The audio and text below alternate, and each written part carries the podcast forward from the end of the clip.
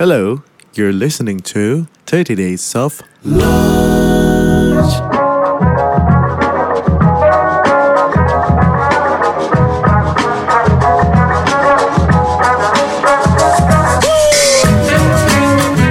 itu financialsnya penting banget karena kalau kita bisa ngerti financial kita bisa we can understand what's going on in the business dan kita bisa cari uh, opportunity untuk untuk perbaikin dan tumbuhin bisnisnya.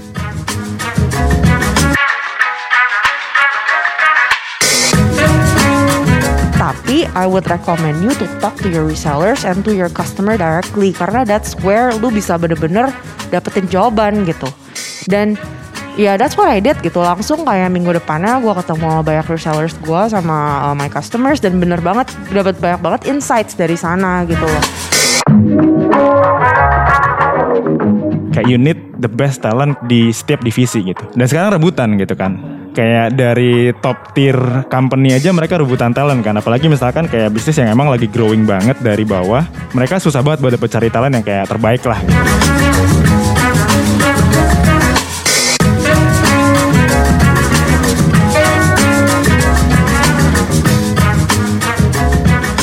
Hey teman-teman tahu kan kerja zaman now menuntut kita harus fleksibel mulai kerja di kantor, coffee shop atau di rumah.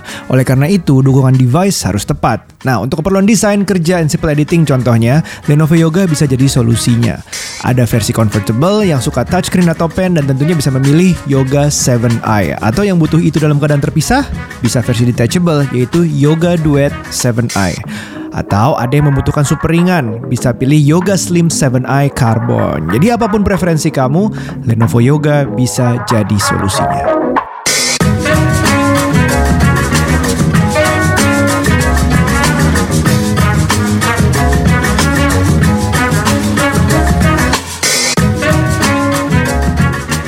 Welcome back to 30 Days of Lunch teman-teman. Tempatnya lo untuk makan siang sekaligus isi otak. Hari ini kita akan ngobrol sesuatu yang menarik banget. Ada duit 1,4 T di sini. Is that enough to excite you guys? But Um, a quick brief supaya teman-teman tahu dari episode ini kalian bisa dapetin apa, bisa belajar apa, dan ujung-ujungnya mungkin bisa ngebantu bisnis atau teman-teman di sini yang mau memulai usaha. So basically we are discussing today with uh, Open Labs founders. Uh, mereka adalah sebuah brand aggregator. Apa itu brand aggregator? Nanti kita akan gali lebih dalam. But to be in short um, mereka raise fund ada 100 juta dolar yang akan mereka pakai untuk ngebantu UKM ngebantu bisnis Indonesia yang produknya bagus promising uh, dan punya apa ya punya performance yang bagus uh, marketnya jelas dan untuk dibantu untuk scale to the next level alright um, so let's welcome the founders and the CEO bener ya Jeffrey Benar-benar. alright Bos besar. Jeff sekarang online dari Singapura nih. Iya lagi di sini lagi holiday. Lagi holiday. Ha. Kirain lagi hunting Iya. bisnis di situ. Enggak ya? Oh ya itu juga sih. So jadi kita kan sekarang eh, lagi pikiran regional expansion. Ya, Jadi juga lagi ketemu potential joiners I eh, see. untuk office baru. I see. Interesting. Oke, and um, mungkin um, sebelum terlalu jauh kita juga ada Erwin. Hai. Erwin boleh cerita sedikit, boleh say hi, uh, role-nya apa dan uh, nge- ngerjain apa di Open Labs gitu. Oke, uh, so gue Erwin, uh, sekarang as head of marketing buat Open Labs. So basically di sini uh, gue ngebantuin uh, Jeff and also other Open Labs team buat gimana caranya kita grow brand yang kita akuisisi gitu. Misalkan di brandnya butuh digital marketing atau butuh Yeah. branding misalkan atau butuh Yeah. kayak cari uh, key messages buat campaign segala macam. Basically kita help them untuk bisa communicate their brands untuk bisa lebih uh, terkenal lagi lah gitu di mata consumer. Alright, oke. Ini ini menarik banget karena menurut gua tadinya gue pikir nih ya, biasanya kalau kita dengar ada orang raise fund dan berapa ratus juta dolar, itu visi gitu. Hmm. Dan tapi kita ngedengarnya di sini brand aggregator. Ya. Apa yang bikin beda antara kalau gue sebagai bisnis didanain sama visi dan gue sebagai bisnis didanain sama Open Lab sebagai uh, brand aggregator gitu. Hmm. Eh, mungkin alat ya, mungkin nanti Jeff bakal bantu juga. So basically mungkin bedanya sedikitnya kayak eh, VC mungkin terkenal kebanyakan kayak buat funding untuk uh, bisnis yang apa ya disrupsi lah ya. Iya, iya. Startup digital gitu yang mungkin grow-nya X uh, setahun bisa grow berapa segala macam gitu gitu. Meanwhile ada sebenarnya banyak banget bisnis yang potensial juga. Iya. Cuman nggak dilirik dia nggak dilirik sama VC atau misalkan private e- private equity gitu. Iya. Uh, dan di sini makanya Open Labs uh, mungkin pengen cari bisnis-bisnis yang sebenarnya potensial. Iya. Dia produknya bagus banget, cuman uh, nggak begitu dilirik lah gitu. Jadi Iya. di sini uh, not only kita giving funding, tapi kita juga ngasih operational support. Maksudnya apa sih gitu? Hmm. Karena banyak juga founders yang sebenarnya main po- main apa ya objektifnya tuh nggak cari funding doang, tapi dia Yes. butuh partner gitu lah. Nah, Gitu. Itu gue ngerasain banget. Sebagai orang yang selama ini bikin bisnis, I have two businesses, dua-duanya gue single founder. Itu gue ngerasa kayak kok bebannya di gue semua ya, semua gue yang pikirin gitu. Tapi sejauh mana bisa ngebantu? eh luas banget sebenarnya. Eh ada Kasih kita case-nya coba. Nah, contohnya mungkin ah, di sini kebetulan ada em aku. Iya sekalian deh kita welcome. Wih, akhirnya ada suara perempuan di sini ya. Enggak suara Jeff dan Erwin doang nih, bosen cowok semua. Eh, gimana So, gimana lanjut lanjut. Mungkin nanti kenal Claudia juga kenalan kali ya. So di sini misalkan ada em aku, ada Claudia, eh, kita partner eh, sama em aku sendiri kan, dan kita di awal kita pasti ngobrol gitu. Kayak em aku eh, strugglingnya apa sih gitu sebenarnya, dan strengthnya di mana. Hmm. Jadi basically kita cuman akan bantu mungkin prioritas kayak eh, weakness atau kayak kekurangan dari eh, timnya em aku nih apa dan kita fokus untuk helping di sana gitu. Kalau jadi kalau kalau dia udah ada part yang bagus banget ya udah kita nggak ganggu lah gitu kasarannya. Tapi misalkan kalau dia butuh kayak oh gue butuh bantuan nih kayaknya branding gue kayaknya agak nggak fokus gitu misalkan. Jadi kita ada tim yang kita hire dari kayak uh, best of the best lah ya kayak mereka ada ex agency atau ex orang yang biasanya emang build business from zero dan mereka tahu lah kayak how to-nya buat uh, build a brand yang didengar consumer tuh kayaknya oke gitu. Jadi kita bantu mereka branding. Selain itu juga kemarin Claudia juga juga share kayak oh gue butuh bantu misalkan performance marketing gitu. Oh. Eh, gimana sih bisa grow secara online dengan digital marketing? Nah kita juga ada- juga tim yang emang ready dan mereka juga punya pengalaman banyak banget Mm-mm. dengan berbagai brand dan mereka siap bantu gitu. Makanya on daily basis kita bantu juga. Itu cuma baru satu part doang dari marketing. Ada Iya. juga part-part lain misalkan kayak eh, butuh untuk izin eh, BPOM for example atau kayak izin eh, PIRT atau halal gitu kan. Iya. Kita juga ada tim eh, legal atau tim yang biar bisa ngebantu brand-brand ini uh, fulfill compliance lah secara legal dan segala macam. Jadi kalau ngomongin sejauh apa, kayaknya masalah bikin bisnis kan banyak nih. Iya. Jadi kita uh, sebisa mungkin bantu provide tim yang bisa bantu brand tersebut lah. sesuai masalahnya masing-masing. Yep. Oke, jadi si foundernya bisnis itu bisa fokus ke strength-nya dia. Anything yang dia bukan jadi strength-nya dia bisa disupport sama timnya Open Labs. Correct, benar. Does it mean gue nggak perlu hire orang lagi kalau gue kerja sama-sama? That's what I thought. Enggak. mungkin mungkin boleh boleh tambahin dari dari pengalamannya Claudia gitu. Having joined with Open Labs for a while now. Hmm. Oke. For sure sih dari dari awal ya, apa yang gua cari itu sebenarnya memang bukan funding, Ya. tapi lebih ke partner. Hmm. Karena what I learn, uh, apa yang gue pelajarin gitu ya Yeah. selama gue jadi entrepreneur, makanya I feel you kayak sendirian dari awal. ya. Like there are two kinds of stress in life gitu loh. Hmm. Ada satu yang emang harus kita rasain, ada satu lagi yang kita bikin sendiri.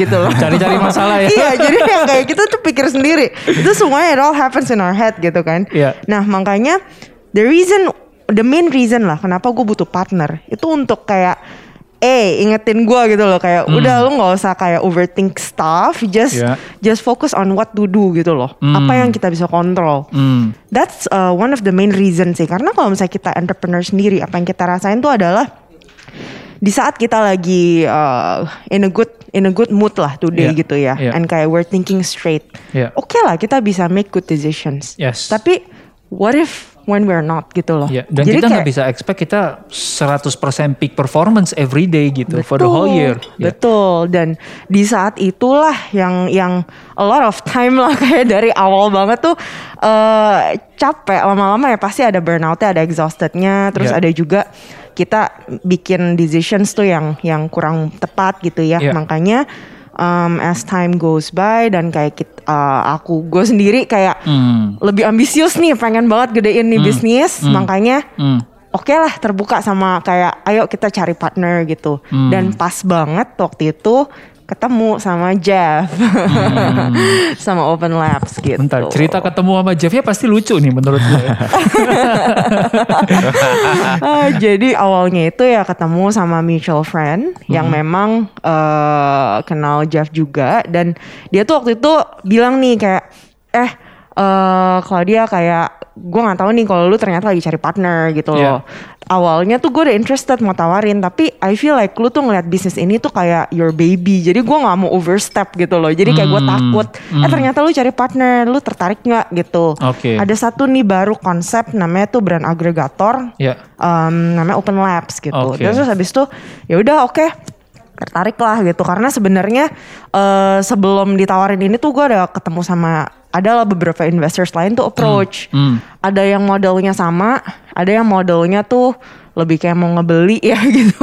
Jadi kayak eh, kurang gitu cocok sih gitu Iya, makanya iya, ya udah iya. terbuka ketemu terus eh, pas udah ngobrol sama eh, this guy sebenarnya agak ini sih kayak awal-awalnya agak ya kayak ya udahlah see how it goes gitu kan but then ketemu Jeff he apa ya orangnya ya lucu ketawa terus terus juga apa s- eh, Orangnya ganteng, orangnya ganteng. Jadi dia ya lebih lebih percaya. jadi Penting even tuh punya partner yang ganteng penting. iya jadi pas lagi eh, meeting pun tuh juga nggak yang kayak serius gimana orang kan kayak kalau misalnya mikir at least ya my friends Iya, gitu iya. kalau misalnya mikir kayak VC itu kayak serius lah apa segala macam tuh sebenarnya enggak gitu loh kayak it Iya. was pretty nyantai Iya. terus uh, what I like juga about him is that orangnya honest uh, apa adanya sih ya Iya. Iya. kayak nggak sotoy gitu jadi Iya. jadi kayak lebih uh, apa adanya aja kayak uh, what he said about himself itu ya sama kan gue udah background check nih jadi kayak Hmm. sama sama persis sama what he said and Hmm. and kayak ya oke lah gitu and and gak tau ya gimana jelasinnya cuman pas lagi first meeting itu ya udah sih kayak klik aja gitu dan Hmm. apa yang gue juga suka tuh responnya cepet I see. di open labs semuanya responnya cepet even dari awal sampai sekarang I see. gitu itu yang gue suka I see. Gitu. Alright, alright. Nanti nanti gue pengen gali ya bagaimana em, apa namanya dua pihak ini ketemu yang satu eh, nyari partner, yang satu sedia dengan funding. Ini pasti ada proses sedikit pitching ya kan. Alright, so mungkin nanti teman-teman di sini juga bisa belajar proses pitching ini supaya you guys can communicate the best of your business gitu. Tapi gue pengen gali sedikit tadi yang eh, kalau dia cerita bahwa di Open Lab itu orang-orangnya kayak Jeff gitu ya, apa adanya. Bahkan waktu gue buka websitenya gue kaget loh. Kan di website ditulis beberapa alasan orang mau eh, cari eh, funding. Satu, ya mungkin udah capek aja lu butuh duit.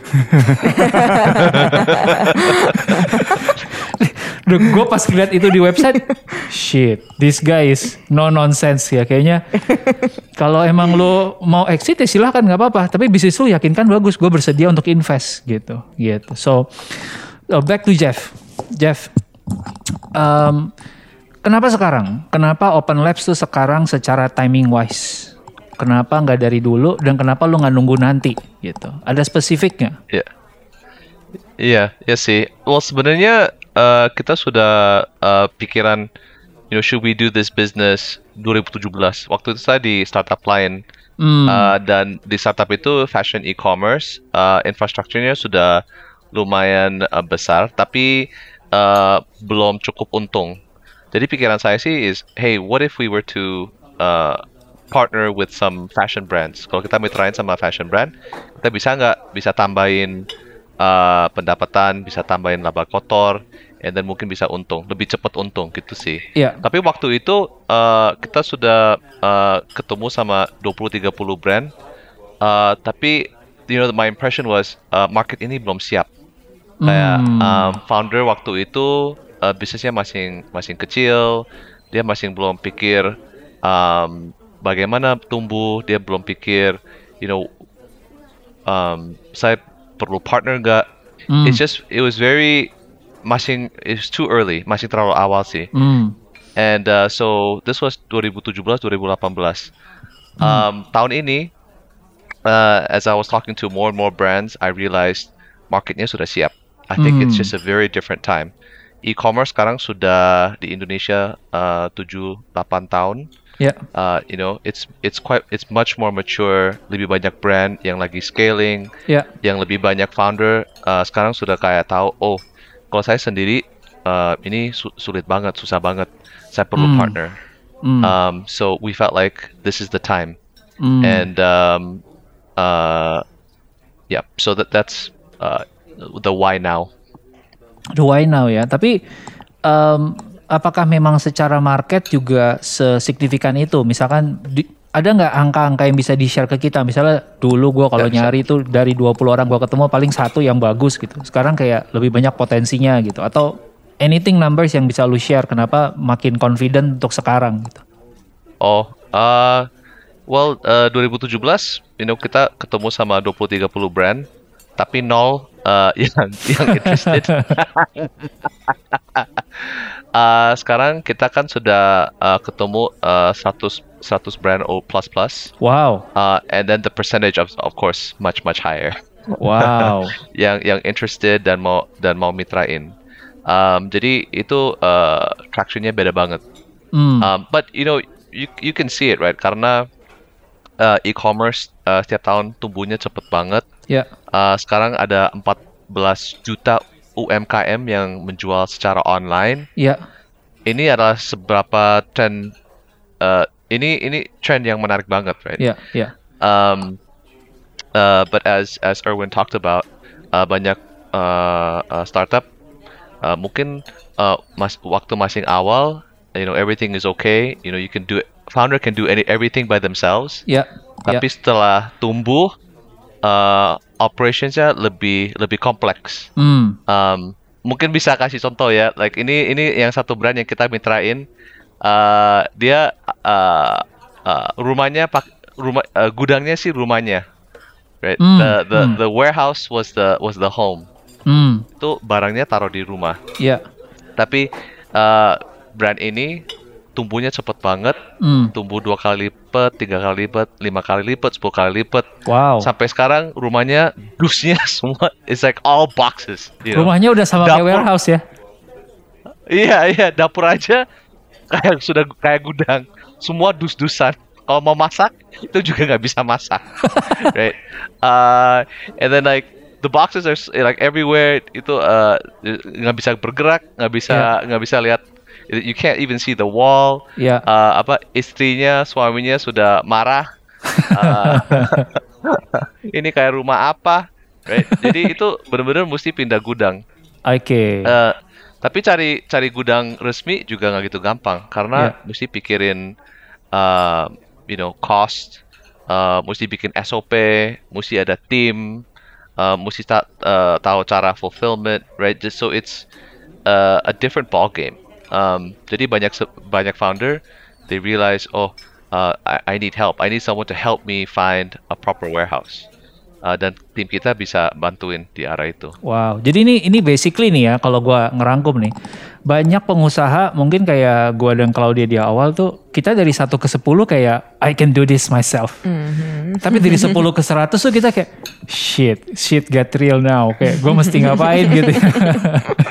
Di situlah Open Labs masuk gitu kan. Ya ya dan yang tadi Jeff cerita gua ngerasain sih. Maksudnya Gua mulai shock itu 2020 sebenarnya ketika mulai pandemi ya.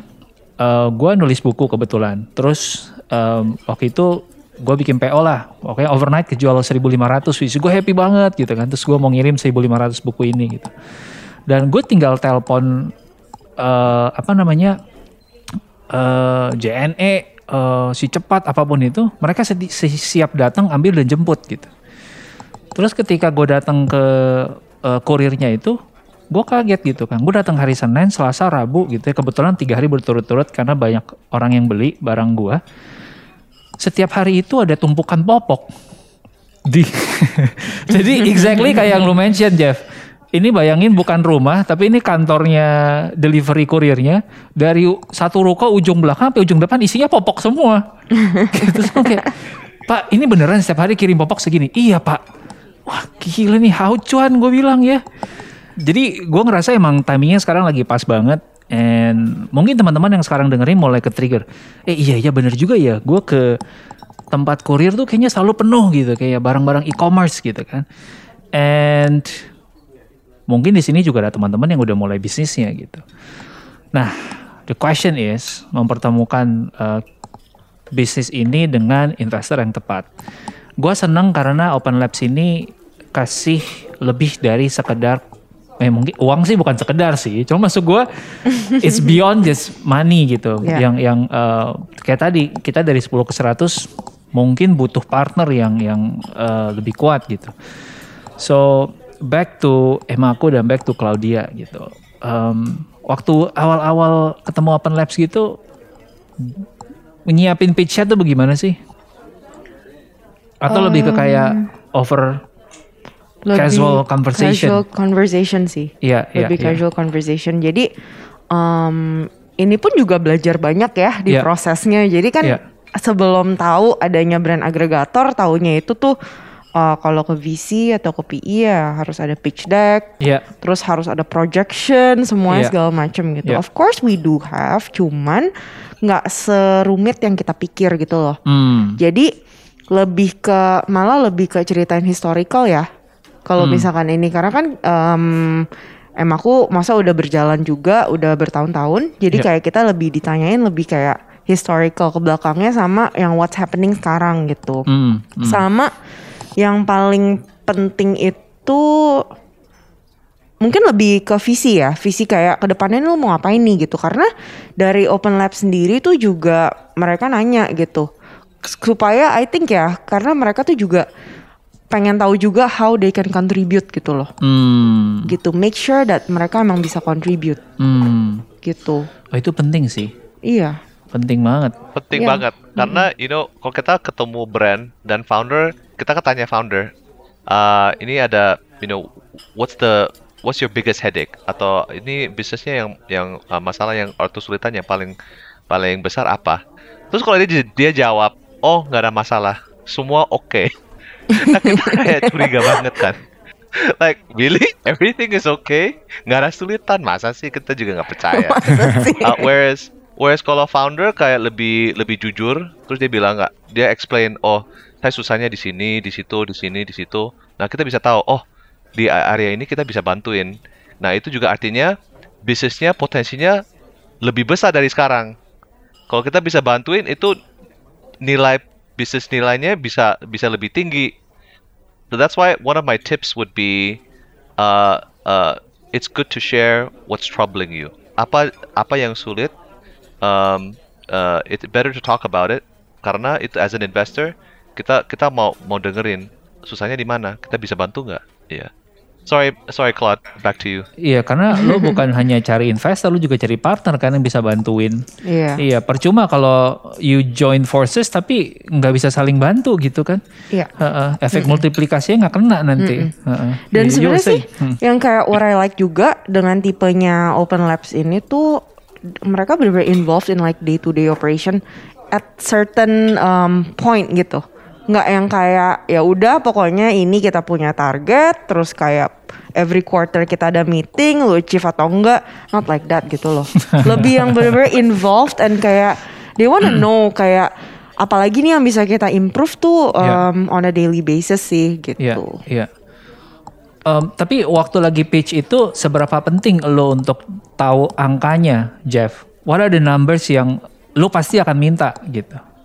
Ya, ya. Oke, there's some Dan apa yang akan convince lo gitu? Uh, jadi kalau kita uh, if we hear a pitch, basically it's like dua fakta kan. Iya. Itu satu sih is uh, the story of the business. Iya. Jadi bisnisnya bagaimana mulai, bagaimana tumbuh, Iya. kekuatannya di mana, lemahannya di mana, uh, et cetera, et cetera. Uh, dan fakta kedua is the financials. Jadi Hmm. kita mau lihat the P&L, Iya. uh, pendapatan, laba kotor, uh, biaya operations, uh, laba bersih, um, and also neraca. Iya. Uh, what is the balance sheet? Ini utangnya besar atau enggak? Persediaan terlalu banyak atau enggak? Hmm. Um, uh, bisnisnya efficient is the business efficient? Jadi kita uh, analisa like all these things. Hmm. Um, so so usually the P&L, the balance sheet is is what we ask for. Hmm. Dan biasanya itu itu sudah cukup. I see. Um, karena kita kan juga mau uh, we want to move fast. Hmm. Jadi setelah kita ketemu sama brand, kita sudah terima financial, within seven days, tujuh hari, Wow. kita bisa kasih yes or no, Oke. right? Karena uh, biasanya kalau ngobrol sama investor, yang susah kan kadang-kadang itu prosesnya bisa lama banget, kayak tiga bulan, enam bulan, sembilan bulan kan, terus nggak tahu, wah investor ini bener-bener mau masuk atau enggak. Waduh, Iya. kasih data Iya. ini, kasih data itu, yang terakhir dia nggak masuk kan pusing banget. Uh, so I, I've been there, done that. Uh, jadi saya saya juga tahu, wah, this is a very frustrating part of fundraising. So for Open Labs, uh, filosofi kita sih, we- kita nggak mau buang founder punya waktu, right? Jadi kalau kita Hmm. sudah ketemu, sudah terima financials, tujuh hari is all we need to say yes or no. Wow. Dan founder benar-benar bisa, like they really respond to that. Wow, wow. Ini kedua tercepat ya daripada eh yang nomor satu tercepat menurut gue Shark Tank kalau kita nonton di film-film 10 menit pitch langsung iya atau tidak kan on the spot. Eh, tapi em Emaku berarti so far udah jalan berapa lama sama Open Labs like officially partners? Officially partner dari 2 Desember ya? Oh last year ya? Oh this year? Oh this year. This year, oke. Eh, tunggu bentar. Wait. But informally, informally sudah berapa lama, Claude? Oh, informally udah dari Juli kan? Iya, iya. Juli ya, Iya. around July gitu. Heeh, iya. Kayak sampai sekarang Open Labs udah udah banyak ya orangnya gitu. Iya, iya. Eh, divisi-divisinya juga udah mulai lengkap semua. Yang paling terbantu dari kehadiran Open Lab so far apa? Kalau buat lo personally. Kalau gue personally ya. Banyak nih kayaknya dia lagi bingung. Yang mana ya? Gue mikir personally. Gue terbantu semuanya nih kayaknya gue dikerjain bisnisnya gue nggak usah lagi turun. It's like puzzle, ada missing pieces terus ini udah udah completed gitu. Iya, iya, iya. Nah, eh, tapi kalau misalnya dari dari gue sendiri sih berasanya tuh kebantu yang bener-bener berasa ya. Itu day to day sih. Hmm, Kayak yang tadi gue bilang, hmm, kita kalau misalnya kebanyakan sendiri itu biasanya tuh malah fokusin tuh kayak stres yang kita sebenarnya tuh bikin sendiri gitu loh. iya. Jadi di saat misalkan ada something yang yang kayak I need opinion or like Hmm. advices, I would just kontak mereka aja kayak eh bisa nggak kayak quick call gitu kayak Iya. telepon sebentar gitu. Iya. Dan ya itu sih yang enak jadinya bisa langsung tektokan nggak yang kita berlarut-larut pikirin satu hal mulu gitu. Jadi langsung Hmm. tektokannya tuh enak dan progresnya jadi ada gitu loh I see. gitu dan sebenarnya one of the thing ya the reason why I juga um, oke sama Jeff sama Open Labs karena um, my weakness itu adalah data jadi eh, dan banyak lah teman-teman gue sendiri juga kalau misalnya kita masih baru ya kayak udahlah kita fokus jalanin kan Iya. kalau dari sisi data tuh mungkin kita nggak terlalu yang uh, fokus gather data and kayak bener-bener compare day to day yang kayak gitulah gitu. Hmm, Bahkan hmm. a lot of us kayak mungkin nggak terlalu nggak ngerti nggak terlalu ngerti juga mungkin ya gitu. Jadi uh, what I like itu tuh mereka data centric orangnya. Ya.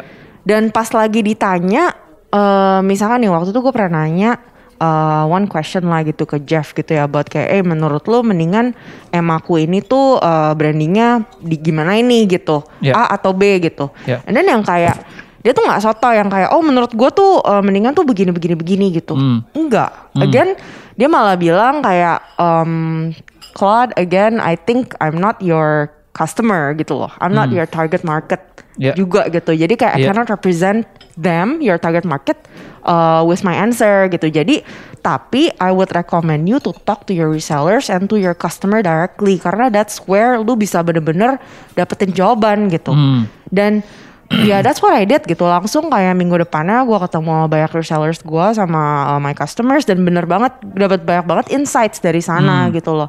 Jadi itu sih yang nggak nggak sotoynya dan dan setiap kali misalkan eh misalkan nih kita mau mau mau pilih, oke kita mau brand message-nya tuh apa nih ya? A Ya. atau B gitu. Ya Ya. again nggak yang kayak menurut gue tuh ini menurut gue itu enggak lebih yang kayak oke kita udah ada tiga opsi dan timnya sama Erwin barengan sama yang lain sama timnya kayak eh, langsung oke let's do A/B testing gitu loh dan that's what Hmm. they help me jadi bener-bener langsung A/B testing Ya. dan kita juga move forwardnya jadi enak ya mau pakai brand message A atau B itu adalah berdasarkan hasil dari data gitu Wow, itu sih wow. Um, data center Claude, mungkin mungkin bisa kasih spesifik, right? Jadi ini kan uh, amaku kan bumbu untuk untuk masak atau bumbu untuk seasoning. ya, Uh, jadi kan there's there's three things that people love about amaku.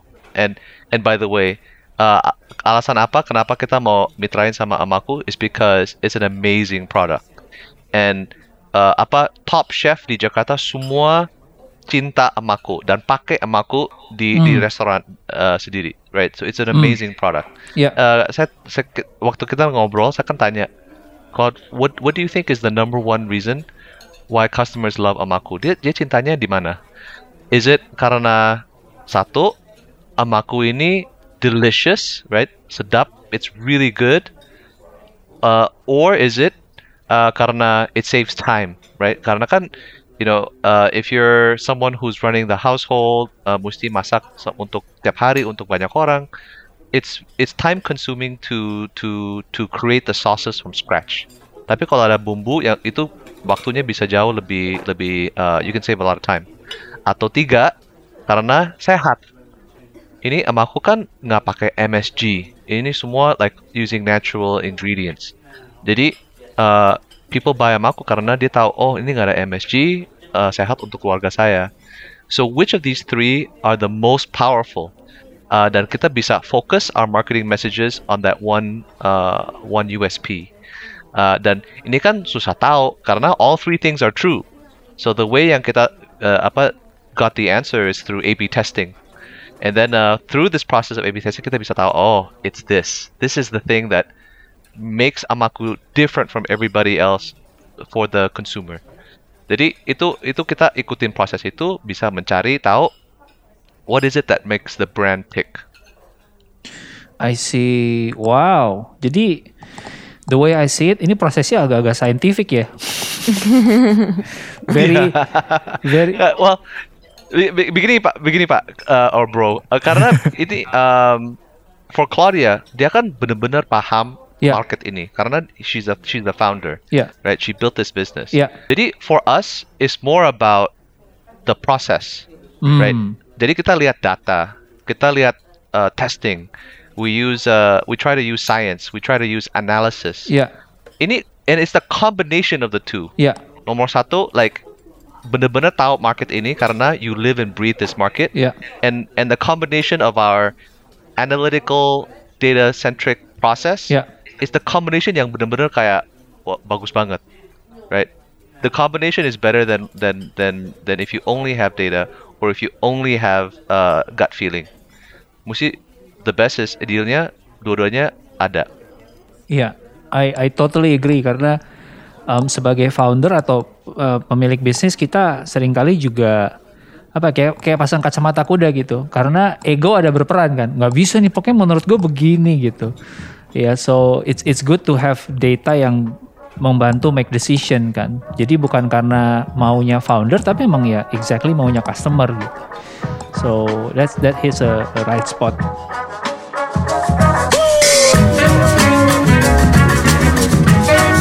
Hey guys, siapa yang selama pandemi ini berat badan malah naik? Gimana nggak naik? Seringnya di rumah, olahraga jadi jarang. Kita harus hati-hati, berat badan berlebih meningkatkan resiko obesitas dan diabetes. Salah satunya adalah dengan cara jaga berat badan. Dengan pilih cemilan yang lebih baik. Memang ada cemilan yang lebih baik? Ada dong. Coba ini, Tropicana Slim Hokkaido Cheese Cookies. Snack bebas gula dengan rasa keju khas Hokkaido yang enak, hanya 100 kalori di setiap sasetnya. Karena bebas gula, Tropicana Slim Hokkaido Cheese Cookies pas banget untuk yang diabetes dan diet. Ngemil pun jadi nggak perlu khawatir lagi deh.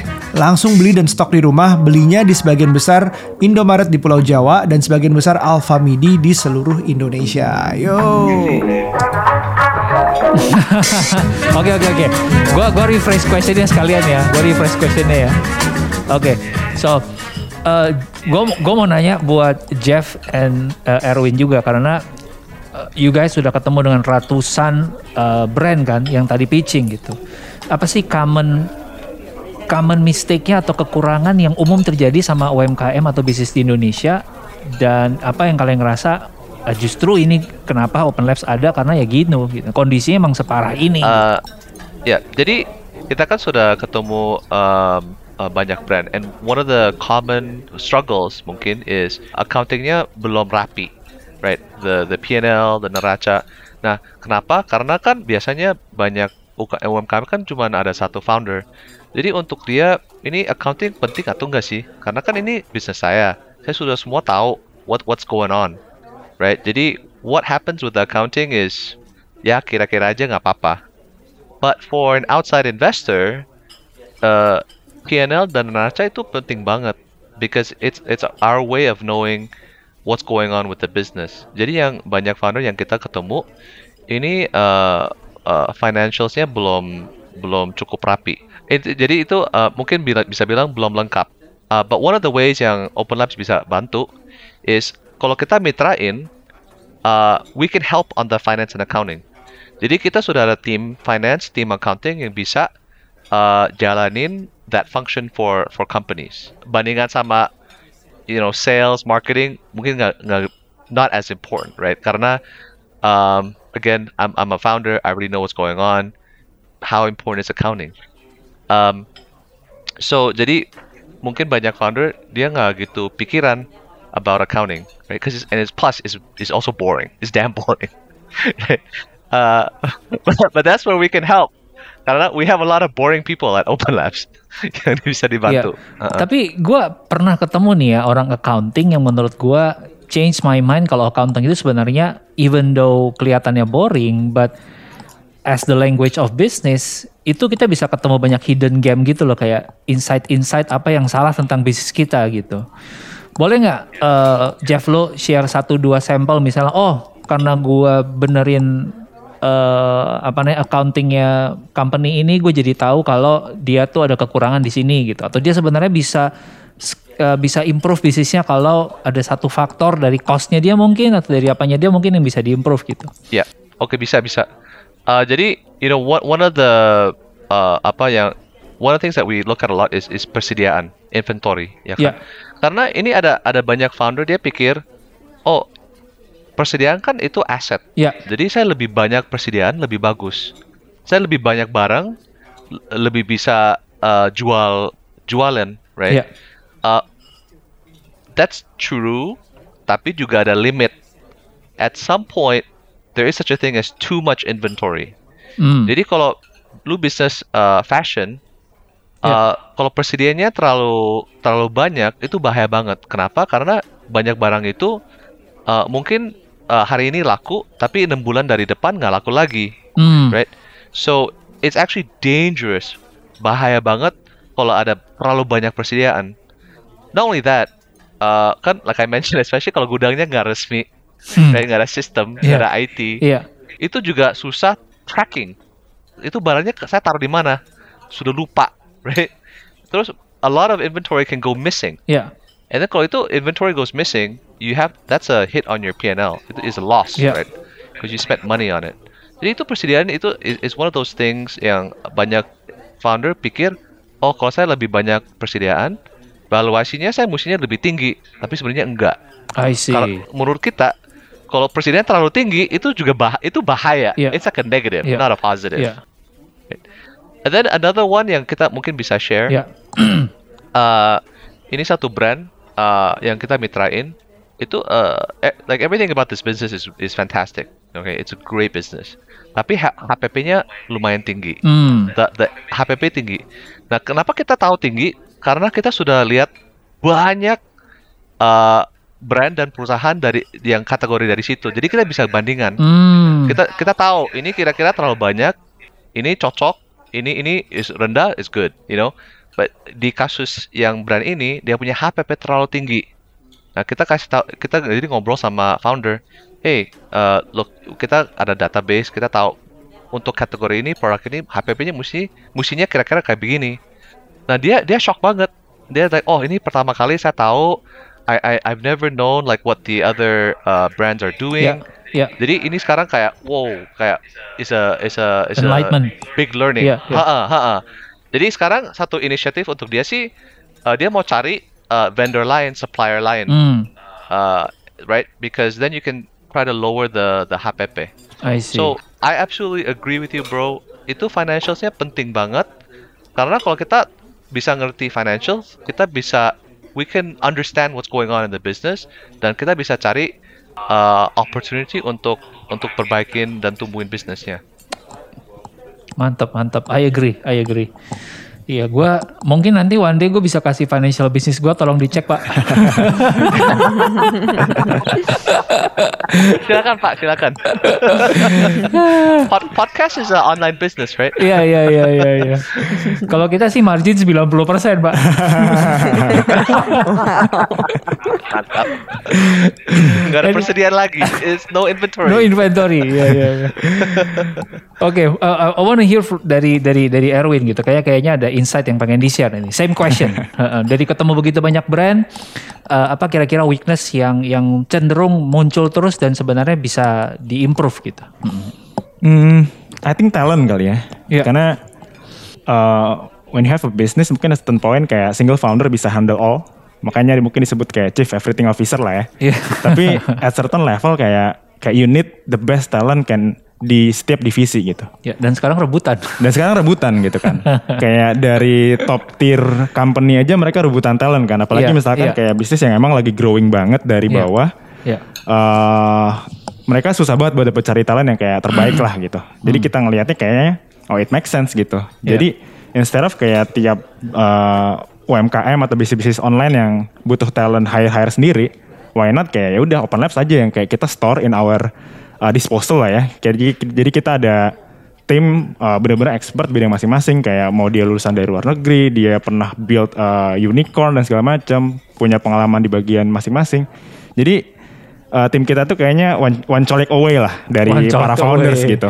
Iya, Mereka iya. kayak eh gue kayaknya butuh bantuan ini gitu. Oh ada tim Erwin misalkan atau ada tim yang lain segala macam yang Iya. bener-bener kayak kata Claudia tadi kita misalkan uh, butuh bantuan ya kita feel free banget sih buat kayak bantu di operasional itu. Karena kan founder pasti punya visi yang gede banget kan. I see. And you guys need an operational team yang emang bener-bener ready untuk kayak make it happen lah kalau kita lihatnya gitu.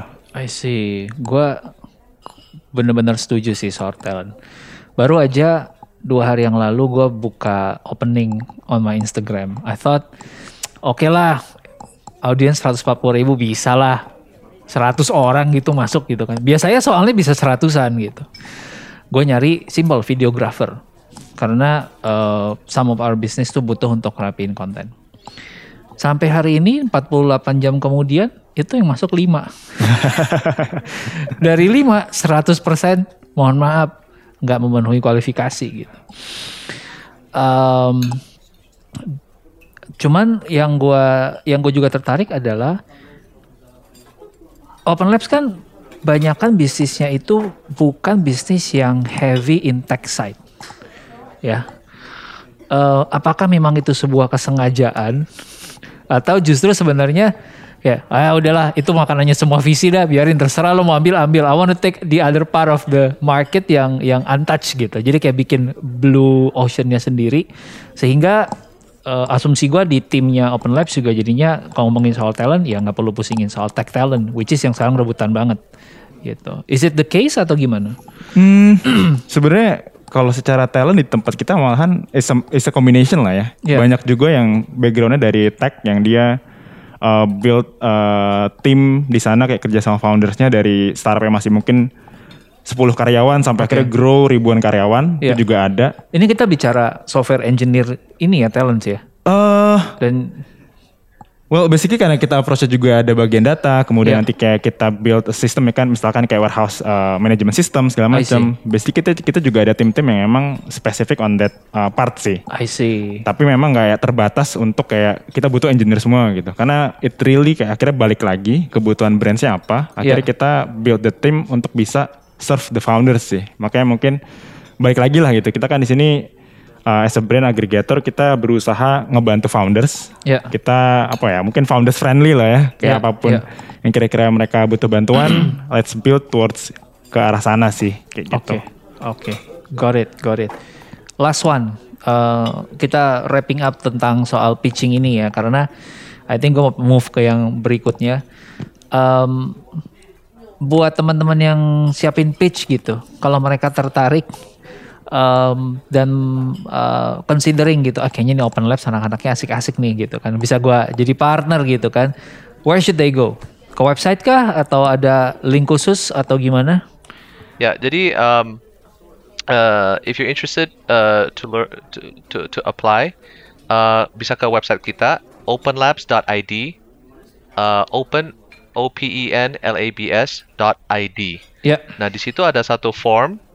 I promise you janji, if you use that form, we will definitely receive it. Kita 100% yakin terima, and we will read it and we will get back to you. Uh, eh, SO uh, apa uh, SLA uh, uh, Open Lab sih uh, setelah kita terima the the form, we will contact you within 24 hours, one working day. Uh, Oke. jadi um, you know, I know mungkin ba- ada banyak orang pikir, oh, saya mesti submit dari website itu pasti kejak mail, nggak ada orang baca. but, we will definitely get it. Uh, dan jadi kalau uh, kalau mungkin ada fit, um, we will arrange a Zoom call or a Google Meets call. Ya. Um, dan di meeting itu uh, basically kenalin Open Labs. Ya. Kita juga mau uh, belajar what's what's your business like. Um, and then kalau ini masih nggak ada fit, uh, then kita bisa sign NDA. Uh, and then um, and then uh, and then you can share the financials and the the financials ya karena you know with the NDA kan bisa yakin kita data ini nggak nggak nggak nggak share di luar so that your data is safe with us. Um, and then setelah kita sudah terima financials, 7 hari kita bisa kasih yes or no. And kalau yes, uh, we can sign the letter of intent. Letter intent ini uh, ada details about the valuation, the transaction, gitu-gitu. Uh, setelah itu kita masuk due diligence, and then hopefully uh, due diligence prosesnya 4 ke 6 minggu. And then after the due diligence process, we go to signing 2 minggu, and we transfer the cash after the 2 weeks. Jadi uh, itu biasanya kayak gitu. Oke, so kurang lebih dua bulanan lah ya. Ya, mungkin sama om aku lebih lebih lama karena dia itu mitra mitra lain yang pertama. Jadi jadi ada sedikit eksperimentasi. Uh, but but uh, uh, ever since uh, apa our due diligence process has gone much faster. I Jadi see. ya, you're right. Uh, sa- dari uh, awal sampai um, uh, at you know at closing kira-kira uh, dua bulan, enam minggu sampai ke sampai delapan minggu.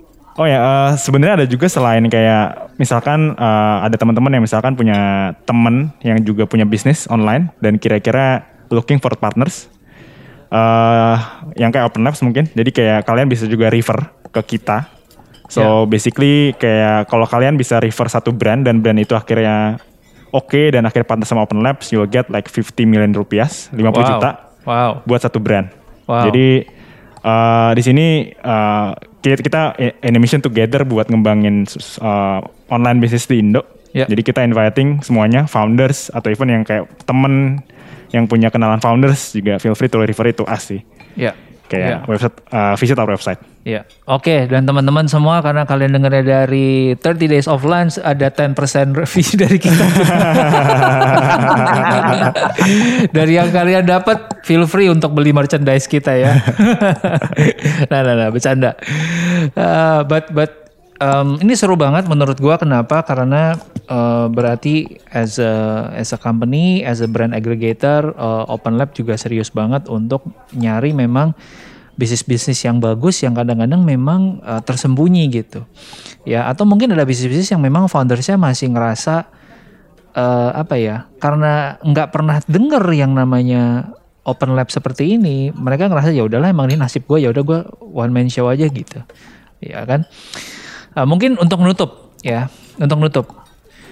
Kalau gue sebagai pengusaha gitu. Em, tadi udah cerita banyak banget em, apa yang bikin Open Labs beda. Tapi mungkin dari Erwin bisa nambahin, dari Jeffrey bisa nambahin. Em, kenapa gua nggak satu pergi ke P2P lending? Kenapa gue sebagai pengusaha enggak ke equity crowdfunding? Atau kenapa gue sebagai pengusaha enggak ke traditional VC? Kenapa ke Open Labs? Ya, ini P2P uh, kan pinjaman Ya. dan bisa berbahaya, right? Ya. Kalau uh, terjadi kesalahan, like if things are not going well, Ya. uh, kalau ada utang itu juga bisa bahaya banget. Ya, Um, uh, so so we we don't uh, in we uh, invest in uh, in equity. Jadi kalau kita kasih dana, it, it's not as a loan. It's like a it's basically uh, Ownership. untuk perusahaan uh, dana atau untuk uh, founder as a as a as a purchase. Kita beli uh, saham dari founder. Jadi dia bisa ada cash. Langsung ada bisa ada cash. Nah, itu Yeah. itu kan beda banget. Jadi P2P Yeah. itu cari utang. Tapi kalau sama uh, brand aggregator kayak Open Labs, itu Yeah. dananya is is is working capital or uh, uh, like a duit untuk saham. For Yeah. you know, we buy your shares. ya, Um, so th- I think that's that's one of the differences between us and P2P. ya, Uh, sama crowdfunding, crowdfunding um, bisa memakan waktu sih. Uh, you know, sometimes it's very tough to you hear about the success success stories, tapi sebenarnya ada banyak banyak business dia dia coba pakai crowdfunding tapi nggak nggak gitu berhasil, right? It, it's uh, much harder to do. Also, crowdfunding kan juga nggak nggak ada uh, menerima dukungan operational Hmm. right? So they, they, you don't you don't actually get any operating Yeah. support, uh, and that's a big difference. Um, kalau mau banding uh, kita sama sama VC, uh, it's really more about the type of business. ya, Jadi uh, if you're kayak a, a, a e-commerce brand yang jual di marketplace mungkin, nah itu lebih cocok ke brand aggregator. Itu biasanya VC uh, nggak mau masuk karena uh, those kinds of businesses uh, apa VCs call them lifestyle business. Hmm. Jadi mungkin bisnisnya un- bisa untung, tubuhnya oke, tapi mungkin nggak bisa menjadi kayak Gojek atau uh, uh, Bukalapak atau um, you know like a like a big internet unicorn, Iya, iya, right? iya. Karena uh, VCs they want to invest in uh, platform plays. I see. Uh, jadi bisnis yang ada network effects, like um, yang mungkin biasanya di market ini cuma ada satu dua yang yang besar, terus yang yang sisa nggak bisa compete. I So see. winner takes all markets, right? I see. Itu that's why VCs invest in those kinds of companies, and those kinds of companies produce unicorns. Um, tapi kalau cuma if you're cuma kayak jual baju di di di online, um, many VCs don't find that exciting. Itu Yeah. mungkin ter- bisa bilang terlalu biasa. Iya, iya. Tapi we love those businesses. Brand X kita suka banget, right? We love those businesses. Iya. And uh, you know, and anyway, those um, uh, and um, uh, yeah. So so that I think kenapa VC, kenapa brand aggregator, it's really the type of business that you're running. Alright, alright. Sebenarnya ada salah satu juga hal yang gue tanyain itu about non-competing agreement. Karena kan pastinya kita uh, kepikiran dong ya kayak, Iya. oh what about kalau misalkan dia udah invest di kompetitor gue nih gitu. Iya, iya. Nah, em, atau misalkan dari dari gue sendiri ya di saat lagi mau eh, sama mereka supaya lebih lebih lebih apa ya lebih nyaman lah gitu. Eh, kita ada yang namanya non competing agreement gitu. Jadinya kita tuh eh, secure in a way ya kalau misalkan memang udah investasi satu industri ya nggak bakal eh, kayak bikin musuh di dalam kubu kan. Jadi kayak Iya, iya. anggapannya ya eh, ya udah fokus ke satu itu aja gitu. I see. Ya misalkan ada ada ada company bumbu lain nih yang mau mau masuk nih sekarang setelah udah invest di Emaku gitu kan. What would you do? Jawaban kita sih, oh kita sudah menikah sama amaku, maaf. Oh, oke. I'm happy. Iya. no, I mean, okay, so uh, th- this does come up a lot. Uh, karena kan uh, ini kayaknya bumbu lebih uh, terus terang lah, right? Like um, we we definitely don't want more than a you know one seasoning company. Tapi mungkin kayak di di kategori kayak fashion kan itu ba- ada banyak banget. Iya, a lot of a- it's a fashion is a very very big space. Yeah, Uh, iya. Nah, um, would we, for example, invest in a, a brand uh, yang sepatu versus brand yang t-shirt? We would. Iya. Karena uh, in our minds th- these two brands don't really compete. Satu kan jual sepatu, satu kan jual uh, t-shirt. Yeah. Tapi uh, kalau di apa uh, going forward, kalau mungkin founder di t-shirt company dia mau ekspansi ke sepatu, uh, dan mungkin kalau founder yang yang brand sepatu dia mau uh, masuk ke t-shirt, we don't block it, we don't Yeah. say no, ya, karena kita kan ikut founder. ya, It would not be fair kalau kita bilang, eh ini uh, sepatu nggak nggak boleh masuk ke t-shirt karena kita sudah ada satu t-shirt brand ya, that that I think to us is a bit unfair. Jadi kita ikutin founder, and what we will do is uh, we would put um, what they call Chinese walls. Jadi to to make sure that uh, apa that information does not go from one brand to the other. Kalau dia ada compete, ya. I don't know if that makes sense. Iya, iya, iya. Make sense, make sense, make sense. Tapi menurut gua brand-brand kayak fashion gitu beberapa pun justru malah bisa saling add value to each other gak sih? Ya kan kayak masuk gua gini ya. um, justru ada there is a beauty in being in a, in an ecosystemnya open labs yang justru bisa saling collab gitu.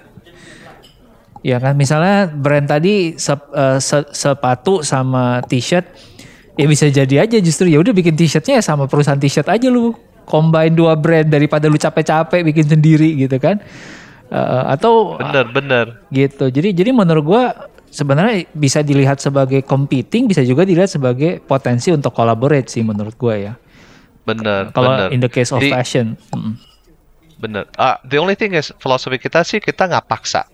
Ya Kita bantuin untuk mitrain, tapi Ya. kita nggak paksa. Nah ini ini beda sama brand aggregator lain. ya Karena ada seberapa brand aggregator lain, dia paksa. Jadi lu mau nggak mau, mesti, uh, for example, kalau lu mau, uh, you you have to you have to do your materials buying together. ya Suka atau nggak suka, even if it's your direct competitor, musuh, your musuh ya sudah 10 tahun musuh, Ya. nggak peduli, you have to work together. Nah, Oh. that's the philosophy of some other brand aggregators. Kita Hmm. beda, right? For us, it's uh, it's optional. ya Uh, kalau ini masuk akal, uh, mitrain sama brand uh, lain di di di portfolio Open Labs, or Yeah. even with another company outside of the portfolio, we support.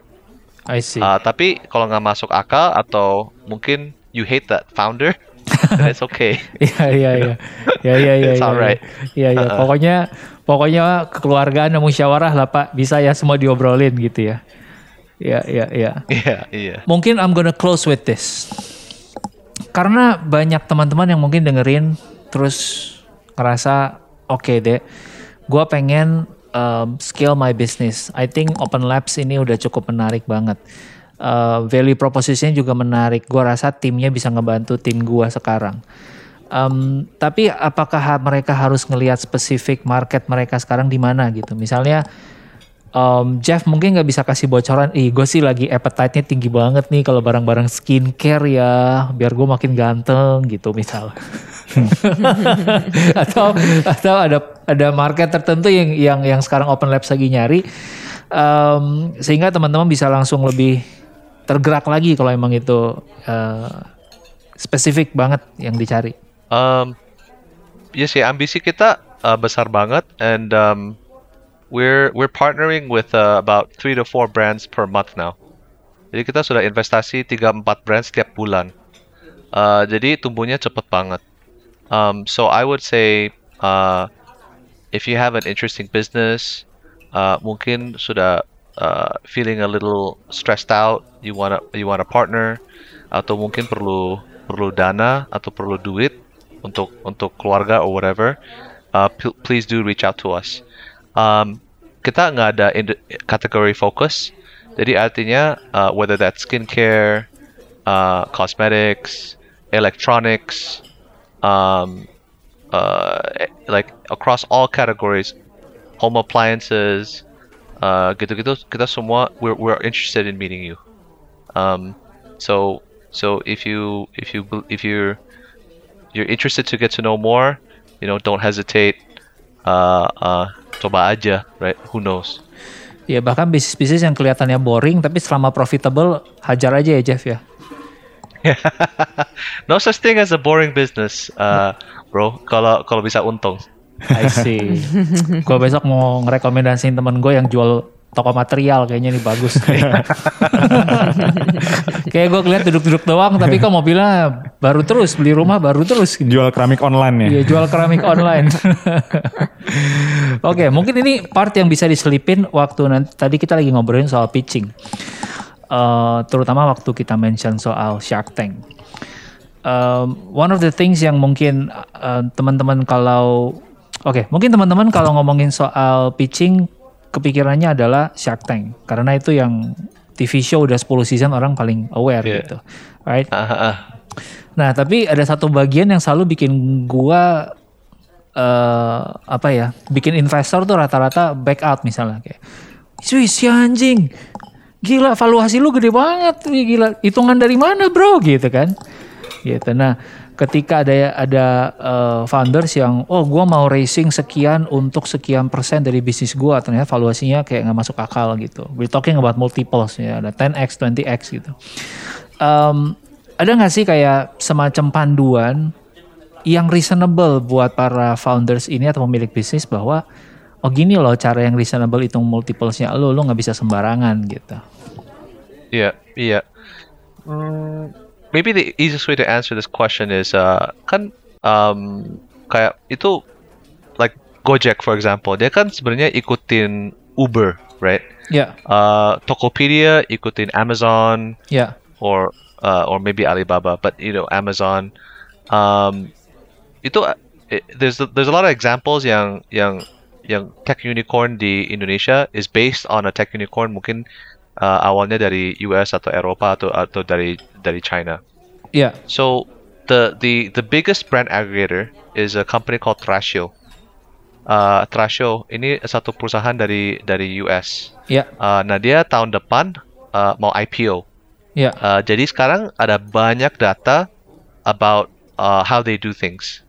Nah, kita kan juga bisa lihat what do they pay in terms of multiples for brands. ya, On average, they pay about 2 to 6x last 12 months of EBITDA, of net Hmm. profit. hmm, Jadi itu mungkin bisa satu guideline Ya. untuk uh, bicara sama brand aggregator. I see. um, you know, ini kan beda banget sama mungkin kayak TBK, right? Um, jadi kita juga ketemu sama brand founder, dia tanya, eh, kenapa multiple-nya nggak kayak TBK?